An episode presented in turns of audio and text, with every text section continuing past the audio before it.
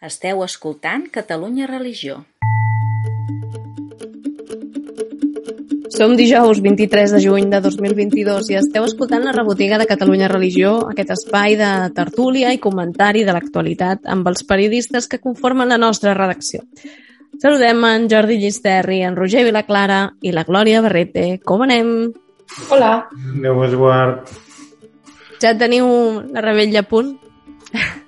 Avui toquen petards, sí. Sí, a més avui venen, ve la gent a casa, o sigui que acabem ràpids, queden a muntar. Acabem ràpid. Va, que acabem de començar. El que sí que s'ha acabat és el curs escolar. Uh, no? Aquest dimecres sí. els nens ja han abandonat instituts i escoles. Però, bueno, aquí tenim coses a seguir explicant, no? Una, i va relacionat també amb Sant Joan, que és la festa també del foc, Um, ara, just fa una setmana, publicàvem aquest article de, jo, de Josep Gordi, mm -hmm. uh, El foc destructor i la geografia sagrada, que aconseguia mm, fer no, una reflexió més enllà del que es pugui explicar um, de les causes dels focs o, o de què implica no, la desforestació quan és de forma descontrolada, no? O ell, ell tocava l'experiència aquesta de, de l'infern, deia, no? el monstre, quan tu veus les flames a prop de casa teva, recordava el cas de quan van cremar els incendis del 98, el miracle, um, no? com ho explicava també uh, el monjo benedictí, el Jordi Castanyer, no? la sensació de, de pànic. No? I després, um, també en aquest article um, es referia a la relació dels incendis no? que, que és indissociable de la crisi ecològica que vivim com a planeta i ho enllaçava amb l'encíclica Laudato Si, no? aquesta urgència del papa Francesc a, a viure d'una altra manera no? I, i afrontar el desafiament ambiental. Que ell, ell, recordo que, no sé si teniu present, eh, l'article aquell que vam treure també per Nadal, sobre els focs com a mm, un foc que és renovador, purificador, no? també no sé si era Nadal i per Pasqua, no? aquests moments que també és un símbol que es fa servir a la litúrgia. Foc i aigua. I, mm. Aigua i foc. Mm. Res, que això, pensar a les portes de Sant Joan és un bon article també per llegir, per estar alerta. Ara comencen a estar més controlats no? tots aquests incendis que han cremat en diferents punts del país, però sempre cal estar alerta i, a més a més, amb aquestes temperatures que no són gens habituals. Sí, que realment... I, i amb un problema de, no, de, de control del bosc. Roger, digues. No, res que realment lliga molt l'article amb, amb l'època realment que ha coincidit, no? que, o sigui, que a mi també quan, quan llegia l'article doncs, em, m'agradava com aquesta visió que tu explicaves ara doncs, que dona com les dues visions del foc o del, el dos, els dos simbolismes i una mica en veritat també és el que, el que es diu ara amb la festa de Sant Joan, realment, no? que hi ha ganes, per dir-ho d'alguna manera, de foc en el sentit de la festa del que estem acostumats, però que també venim doncs, això d'unes setmanes que, que el foc doncs, ha causat, mm, bueno, ha portat unes conseqüències devastadores, per dir-ho dir d'alguna manera, i que, bueno, que, que, que lliga molt bé aquest article i que, i que penso que és molt interessant. Sí, just fa unes setmanes es publicava aquest llibre d'en Bernat Sallarès i recordo el dia de la presentació que es deia que, bueno, ell explica en el llibre també la necessitat de vocacions doncs, a, no, a la ramaderia i a la pagesia, perquè tenim el territori molt abandonat, no? hi ha una gran concentració en alguns punts, però la resta no, de comarques estan algunes realment patint això, no? despoblament.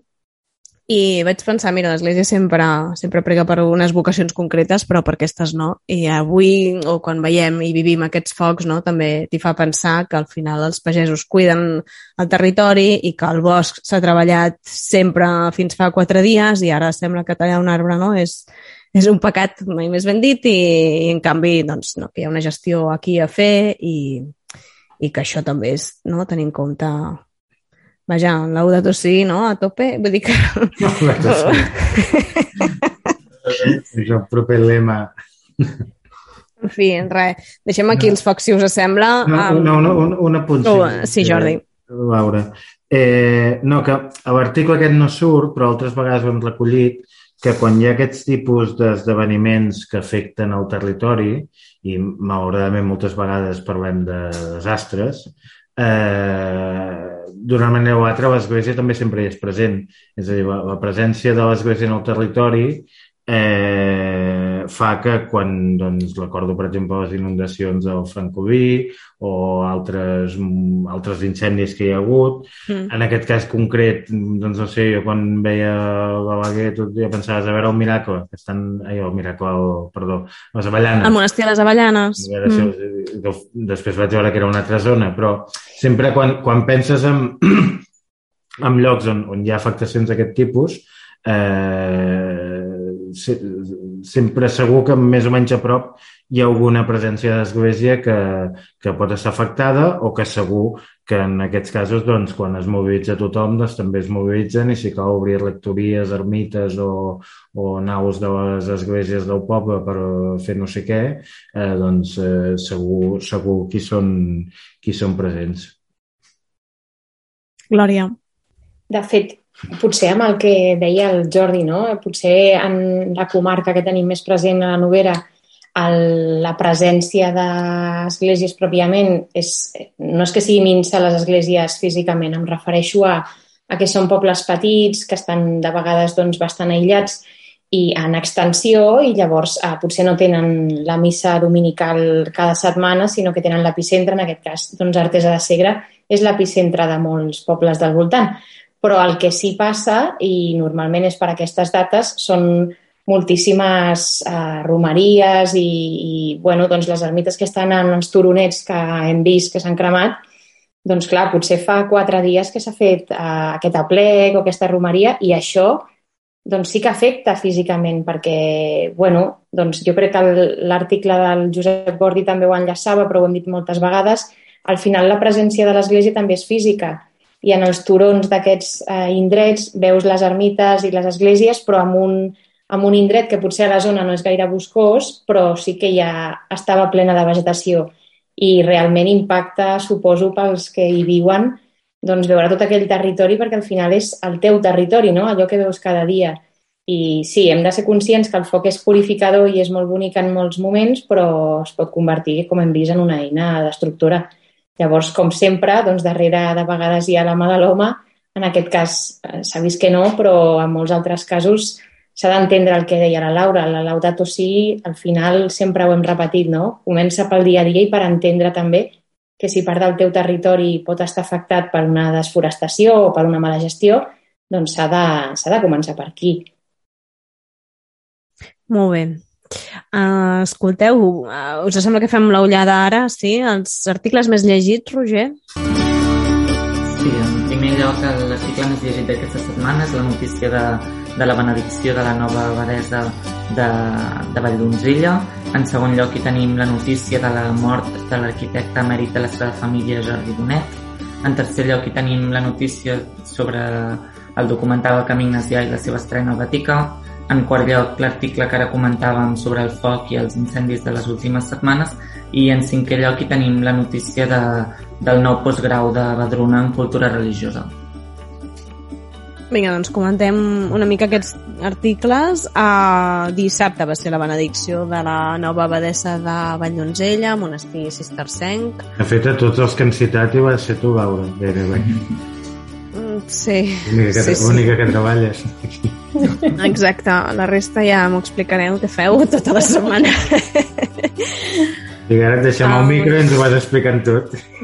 La reportera de Xaratxera. A veure, no, des de Barcelona dissabte en aquesta església modernista, que no, també és un indret peculiar, um, Maria Àngels Cornellà, que ara feia, no sé si van ser uns quatre mesos, no? que, que l'havia escollit la seva comunitat i aquest acte de benedicció va fer-s'hi present el, l'abat general dels cistercencs, um, un senyor, per cert, que parlava un català estupendo i que i s'ha de valorar no? que va fer tant l'homilia com tota la litúrgia en català, cosa que de vegades, malauradament, quan anem en altres celebracions no podem dir que això sigui sempre així a Catalunya, no?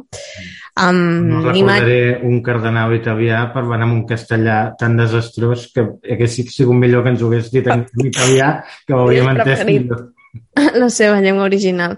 Um, bé, no? Felicitar des d'aquí també la comunitat. Són gestos petits i a vegades potser molt, molt simbòlics perquè no deixa de ser una comunitat petita i des d'aquí va ser on va arrencar el discurs també, vaja, l'humilia i la seva reflexió la vaig general, és a dir, són pocs um, i la vida religiosa eh, no? té, té aquesta experiència de, de pobresa numèrica, de presència, de comunitats que tanquen, això és així, quan no, en parlem i, i coneixem, veiem cases que han de plegar o altres que s'han de reagrupar, però malgrat això, aquí hi ha una cosa no, que és digna d'estudi o significativa, que és que s'aventurin a, a beneir una abadessa, no? Podien haver tirat com amb una priora i han volgut fer aquest gest.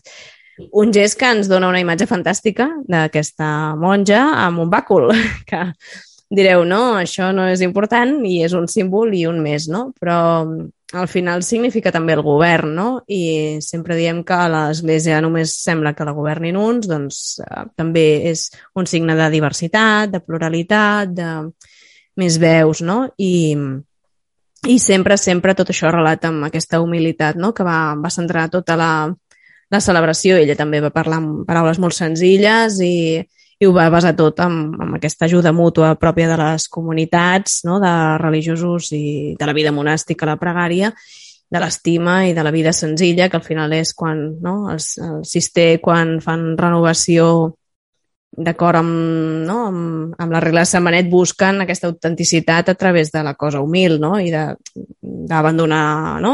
poder, riqueses, estudi i baixar i, i basar la vida amb altres, amb altres valors. Digues, Glòria. Bueno, jo de l'acte en si no, no tinc res a dir perquè no, no hi vaig ser, però, però ara m'ha fet pensar una cosa quan tu deies aquí, clar, la comunitat petita, no? d'altres moments, la vida religiosa senzilla, que tot i que no surten tant com potser comunitats monàstiques masculines, doncs hi són, no? I també governen. Però ara he recordat quan, bueno, alguna vegada hem hagut d'anar a cobrir aquests actes tan grossos, protocolàriament parlant, o d'altres figures de governança potser que necessiten un protocol més estricte i amb més distància i inclús els discursos ja saps no pots, eh, potser no, no pots sortir del discurs pactat perquè la gent ja el té abans i s'ha mirat i s'ha tocat i això i, i he recordat molt que el, o sigui, el, el record més bonic que tinc d'anar a cobrir professions de monjos o de monges, professions solemnes o actes així que són molt importants eh, comunitàriament, són sempre de comunitats petites. I, i és quan és com si entressis dins del seu món petit i familiar. I, i molts cops jo he tingut aquesta sensació com de, bueno, de l'esperit no? que actua, però en altres actes grandiloquents i, i, i massa protocolaritzats, doncs no n'he tingut mai, perquè estàs tan pendent de, de no molestar per fer la foto que es perd una mica aquesta essència. I jo penso que potser tu has viscut aquest dissabte això, a l'entrar dins d'una família una mica més extensa aquell dia, però, però dir, al final és, és ella amb la seva comunitat i que expressa el, el que vol, no? Al final són elles cada dia que s'han escollit. Mm -hmm.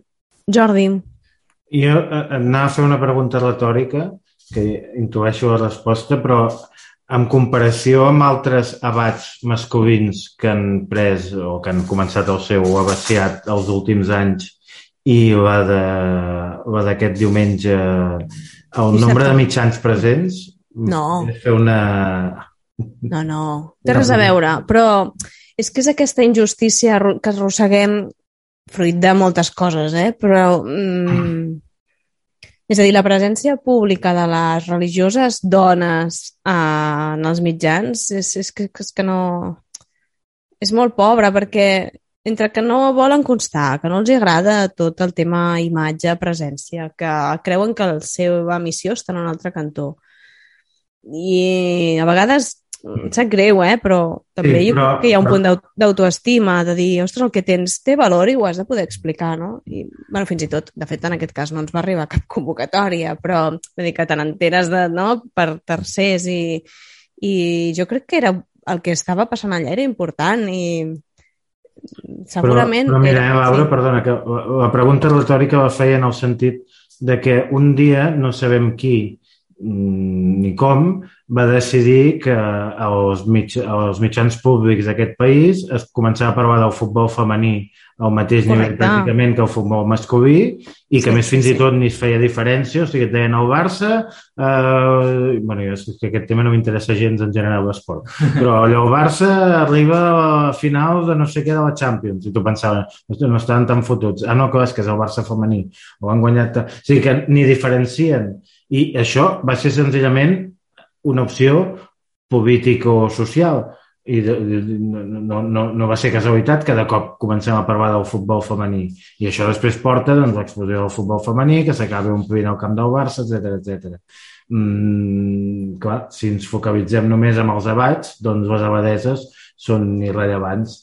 Eh, és veritat que en el nostre país el que és Montserrat i Poblet, que són els monestirs masculins, tenen una dimensió que va molt més enllà també del fet religiós, però també és veritat perquè mediàticament hi han posat el foco. Mm, mm, Cada setmana mm, anem a parlar amb les, amb les cistercenques de Vall d'Onzella o amb, o amb o ara que tenen una mica més de relleu amb, amb les benedictines de Montserrat o d'Anguí, segur que els hi podem donar el mateix protagonisme que a l'abat de Poblet o de Montserrat i això mm, per ara no és així. I encara més, és a dir, uh, es es potencia mediàticament el futbol femení i aconsegueixes una repercussió i que pugin molts equips ja des dels petitons, no? Equips d'infantil i que van, no? cada vegada són més nombrosos, però mm, en aquest cas és que és inversament proporcional, o sigui, hi ha molta més vida femenina 80%. uh, monàstica a tot el... Bueno, clar, s'hauria de veure a, nivell de Catalunya, però tampoc les xifres no és seran molt diferents. A, a grosso modo la proporció és de 20 a 80. Per tant, mm, què està passant, no? És a dir, perquè sempre anem a, a ficar el focus als mateixos. Um, no, des d'aquí l'aposta ja la, és, és coneguda, no? Que a la casa intentem que això també es pugui ensenyar, explicar i que té el mateix valor i, i vaja, que aquí hi ha fons i coses a explicar, no? Mm, No sé, Roger, tu com ho veus tot això? No, eh, o sigui, com ba- bastant, bastant similar a vosaltres, vull dir que en aquest sentit opino el mateix i, i també amb això que deia el Jordi ara també em fa com reflexionar que és cert, o sigui que al final, bueno, que és algo que ja sabem, que el que, es, el que surt als mitjans existeix i el que no surt, doncs no existeix, per dir-ho d'alguna manera. Però sí que volia fer com un punt positiu, diguéssim, i és que en aquests últims actes així que hem fet sempre ens hem fixat com amb els vídeos i, i que aquest vídeo de, de, de, de l'abadessa de, Vall- de Valldonzella té moltes visualitzacions. També vull dir que en aquest sentit tenim una audiència que, que, que no fa aquesta diferenciació. Per tant, hem, bueno, això, que, que és un, un punt molt positiu. Volia destacar això. Bueno, I si t'escuides tampoc el podien veure enlloc més si no miraven aquest vídeo. Ja. No sé si hi havia gaire més gent penjant vídeos. No, hi havia, hi havia un parell de gent- la càmeres, i, però sí, jo crec que era més un tema intern que no pas... Sí, sí, de mitjans, d'altres mitjans. Um, Us que la abadesa de Valldonzella. des d'aquí la nostra enhorabona, Maria Ara que Àngels no, ens Cornellà. truquin, que no ens truqui el cap de premsa de Montserrat dient no, nosaltres també som importants. Bueno, no crec pas que es produeixi aquesta trucada. Escolteu, va, més coses. D'aquests més llegits també um, ve dia de dol eh, aquest dimarts, no?, per la mort de l'arquitecte Jordi Bonet. Jordi, tu que tu el vas conèixer i, la, Sí, i has sí. parlat i vas parlar. És més vell que vosaltres i. Exacte, sempre que necessitem context històric eclesial recorrem a tu. Treus aquelles enciclopèdies de la... No? Com es diu aquell llibre que sempre mires? Diccionari d'història eclesiàstica. Aquest. Molt bé. Um, no, disculpeu, tornem al tema, que és que... Esgotat a la llibreria, no? Deu estar ja esgotat a les Ah, no, no, llibreries. bueno, perquè encara es un troba volum, ja són tres volums, el volum 1 encara se'n troba algun, però del 2 i 3 no, per tant, aquests van buscats. Bonet estava bé, també és veritat. Clar, és més fàcil. A partir de la IF em sembla que és ja només hi ha, hi ha poca gent que tinguem els, els, dos, els tres volums sencers. I en Bonet amb un doble perfil, no? Tant el d'arquitecte, diguéssim, no? que ha estat el, el antecessor de, de l'actual eh, arquitecte director de la Sagrada Família, no? que, per tant, continuador de, de Gaudí, persona que va vetllar perquè el temple seguís creixent d'acord no? i es construís d'acord al que Gaudí havia somiat i projectat, i també la vessant amb educativa, pedagògica en el món de l'escoltisme. Vull dir que va ser una persona que va, um, va ser el responsable no? més important dels minyons a nivell de tot el món. Mm. Um, Jordi, no sé, alguna eh, eh, accent especial? Ja, quan estava escrivint Vertico anava a posar una cosa d'aquelles que dius no la posis perquè és, és un tòpic massa ja, massa ja utilitzat, però... Que no veurà, no veurà acabada la Sagrada Família? No, no. no que era bona persona. Que aquest és l'altre... Si, sí. si, si fos viu Josep Pla, doncs hauria fet d'un homenot o Jordi Bonet, perquè mm. és un personatge... Tal. I després vaig veure un tuit d'un que ho deia, dic, bueno, com a mínim no m'havies ja anat tan equivocat. Però eh, és, és que és veritat que és un personatge en aquest sentit extraordinari i fascinant fascinant pel projecte al qual està vinculat, que és la Sagrada Família, quan, a veure, el Bonet tenia una projecció com a arquitecte, però perquè si estava darrere un projecte com la Sagrada Família. Però després, com a personatge, i, i una cosa que a mi em fascinava molt, que era el tàndem amb el germà. Mm -hmm. Mossèn sí, Bonet sí, sí. i ell. Clar, ara no, no, no m'equivocaré amb la xifra, però com aquell que diu, durant 20 anys van ser, un era el rector i l'altre era l'arquitecte sigui, anar molt lligat, i a més una família molt, molt vinculada ja al pare, etc etc. O sigui, en definitiva, els Bonet d'aquesta generació eren els últims que tenien potser el film més directe amb Gaudí. Eh, ells personalment no hi van coincidir, Eh, Gaudí va morir el 26, per tant, qüestió físicament impossible, però encara recullen molt clarament el testimoni del seu pare, que sí que va coincidir amb, amb Gaudí, i a més persones del món, no sé, hi ha gent que poc que sigui per qüestions familiars pot haver coincidit amb Gaudí, però amb ells a més com a feina, és a dir, tots com a arquitectes i sapiguem molt bé de què parlàvem. I una cosa que destaca molt el, ha sortit en altres llocs, eh, però en l'article que vam publicar ahir del, del Jordi Faudí, que és el seu successor com a arquitecte, que a més el Jordi Bonet va portar tècnicament eh, factors molt importants a l'arquitectura. És a dir, no només allò de, mira, doncs Gaudí va fer això, doncs aquí ho copio, o més o menys ho faig com d'allò, sinó que a partir de la inspiració de Gaudí i de les indicacions de Gaudí, ell creava tècnica, mm? i que fins i tot en, el, en, algun, en alguns temes eren referents mundials, perquè també la Sagrada Família té una singularitat que, que no d'això.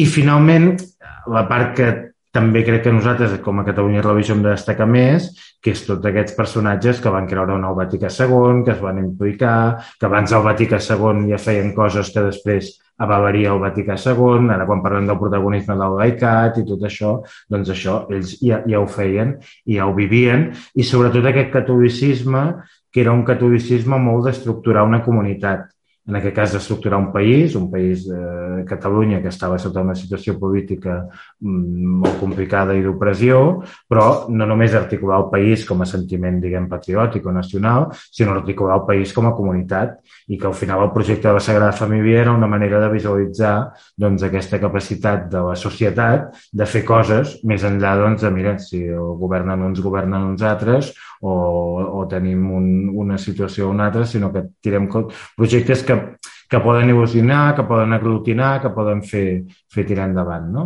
I en aquest sentit és molt la, la singularitat a part del, del personatge, no? que, era, que era realment conèixer-lo i parlar amb ell era una experiència perquè no, no, no, no, no trobes gaire gent al món com ell. No? Us recomanem especialment, vaja, a banda de l'obituari aquest que vas escriure tu, Jordi, també el text que ens ha escrit en Jordi Faulí, no? recordant-lo, i, i una de les coses que hem, hem recuperat quan la visita de Benet XVI no? per, mm. per uh, la, la consagració de la, de la basílica, que ell va poder no, fer l'explicació de per, de, de la, sobre la construcció del temple i, i també és bonic perquè té com molt de sentit eclesial, no? Eh, fa tot el repàs simbològic de les, dels símbols i, i les raons no, de cada detall i, i com aquesta cosa que deies tu de comunitat, jo crec que aquí també s'hi llegia, no? I, i que el teniu íntegre a la web i el podeu recuperar. Hi ha, hi ha una cosa que és molt determinant. Jo crec que si avui el Faudí plegués i es fes un concurs per ser arquitecte director de la Sagrada Família, hi hauria una cua que arribaria fins al port. Eh, quan el, seu, el pare del Bonet i el mateix Bonet van continuar les obres, molta gent no creia en aquest projecte. Mm. I ells hi van creure. I si no hagués sigut per aquesta gent, avui no tenim la Sagrada Família com la tenim. Ja sé que hi haurà gent que pensarà que hagués sigut millor que tal i qual, però jo crec que és molt millor que, que, que, el, que el temple doncs, hagi, hagi gairebé finalitzat gràcies a gent que senzillament hi va creure quan no hi creia ningú. Mm -hmm. Visionaris, petits visionaris que hi han dedicat molts esforços i hi han posat de, no? creativitat, Vaja, sí, una mica pals de paller de d'una pila de coses. I grans professionals. Um, I grans professionals, sí, sí.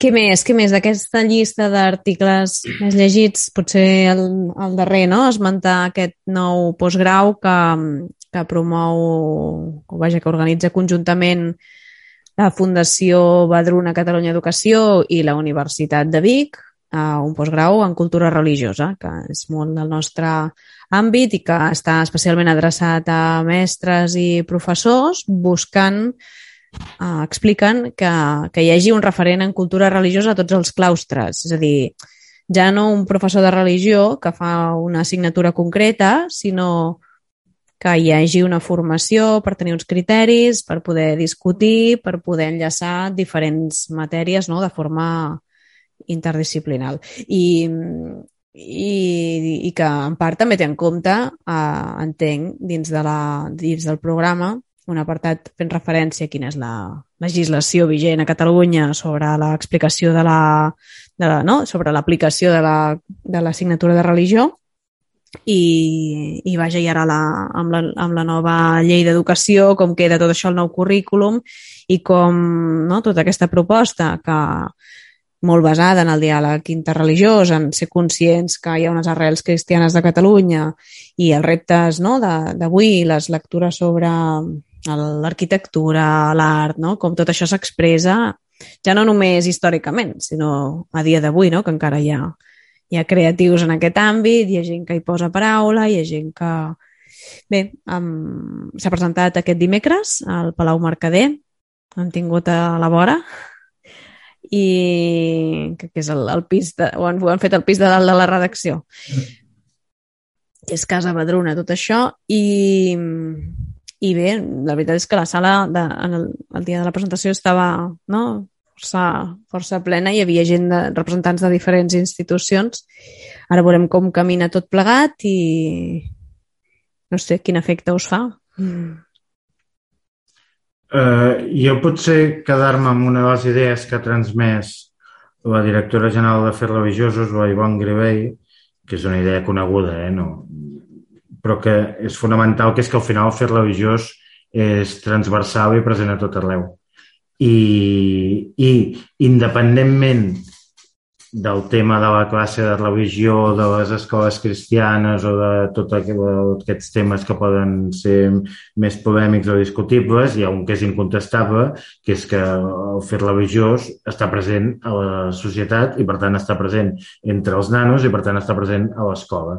I, I en els últims anys amb una creixent diversitat mm, perquè mira, quan tothom era catòlic doncs, doncs ja tothom s'ho sabia però ara evidentment doncs, la, la situació és diferent i que entenc que llavors l'aportació la, d'aquesta proposta de postgrau de Badruna és el, el que hi hagi un màxim, de nombre, el màxim nombre de persones en el món educatiu i a dintre els centres que tinguin una cultura religiosa. O sigui, no estem dient que facin classe de religió o que tinguin una titulació per exercir-ho o que facin, sinó que coneguin la realitat religiosa. Una mica la, la, la direcció general hi ha treballat en aquest àmbit, ja salto de tema, eh? però, però que és, jo entenc que és una mica la, la mateixa intenció.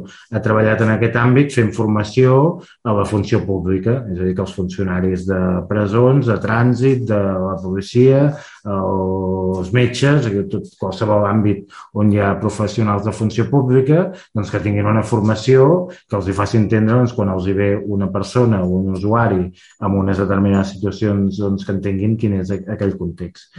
I, per tant, això a l'escola també és important. Per tant, bona iniciativa, també doncs, jo entenc que com més gent hi, hi, hi participi o es pugui ampliar també la, la, la, la proposta amb, amb totes les institucions que estan treballant també amb aquest tema doncs serà, serà interessant i que ara cal veure doncs, el primer any com, com anirà i si això té recorregut o, o de vegades també passa que hi ha grans propostes molt interessants i es fa un any i l'any següent s'acaba. Doncs esperem que en aquest cas hi hagi més, més recorregut i que tingui, que tingui el seu èxit. Els hi desitgem tot el recorregut possible i que, com sempre diem, que el fet religiós no sigui conegut i mm, perquè sense aquest coneixement uh, caiem no? en prejudicis i, i és més complicat articular una societat no? que, que crea recels amb la diferència. No? Molt bé. Um, què? Anem a, a comprar la, la coca i tot això? Anem a tirar petards. Sí. Mm, que s'ha de dir que... petards, eh? però és que normalment la gent compra petardos. Petardos! Sigueu... Sí, passeu-vos-ho bé. Passeu-vos-ho bé en aquesta rebella. Bon Sant Joan a tothom. I... Que vosaltres sou de la coca amb fruita o sense fruita? Sense. Sense. M'he vist que m'agrada tot. Coca de crema. bueno, però a casa hi ha de tot. O sigui, Més bona és la de llardons, no? La llardó... Uf. Ah. S'ha de comprar dels tres. Jo estic per la de crema, també. Eh! La de crema té un punt perillós, no? Que és allò que... No, ho dic per si algú oient vol té a bé fer una aportació amb coca. Clar, sisplau, des d'aquí una crida a coques de crema. Que sàpiga que la de fruita sí, sí. No, no té tant de... que s'obstinguin de fruita. Ai, senyor. O alguna pastisseria ens vol patrocinar, també estem oberts.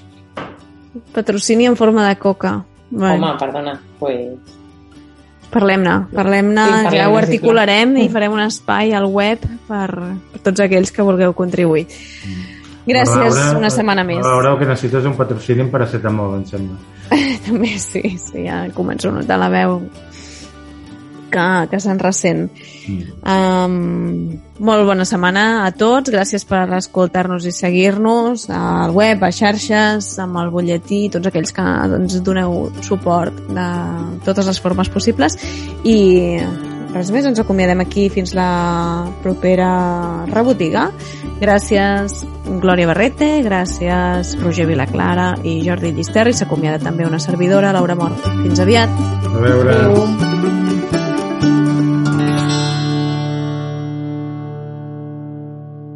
Catalunya Religió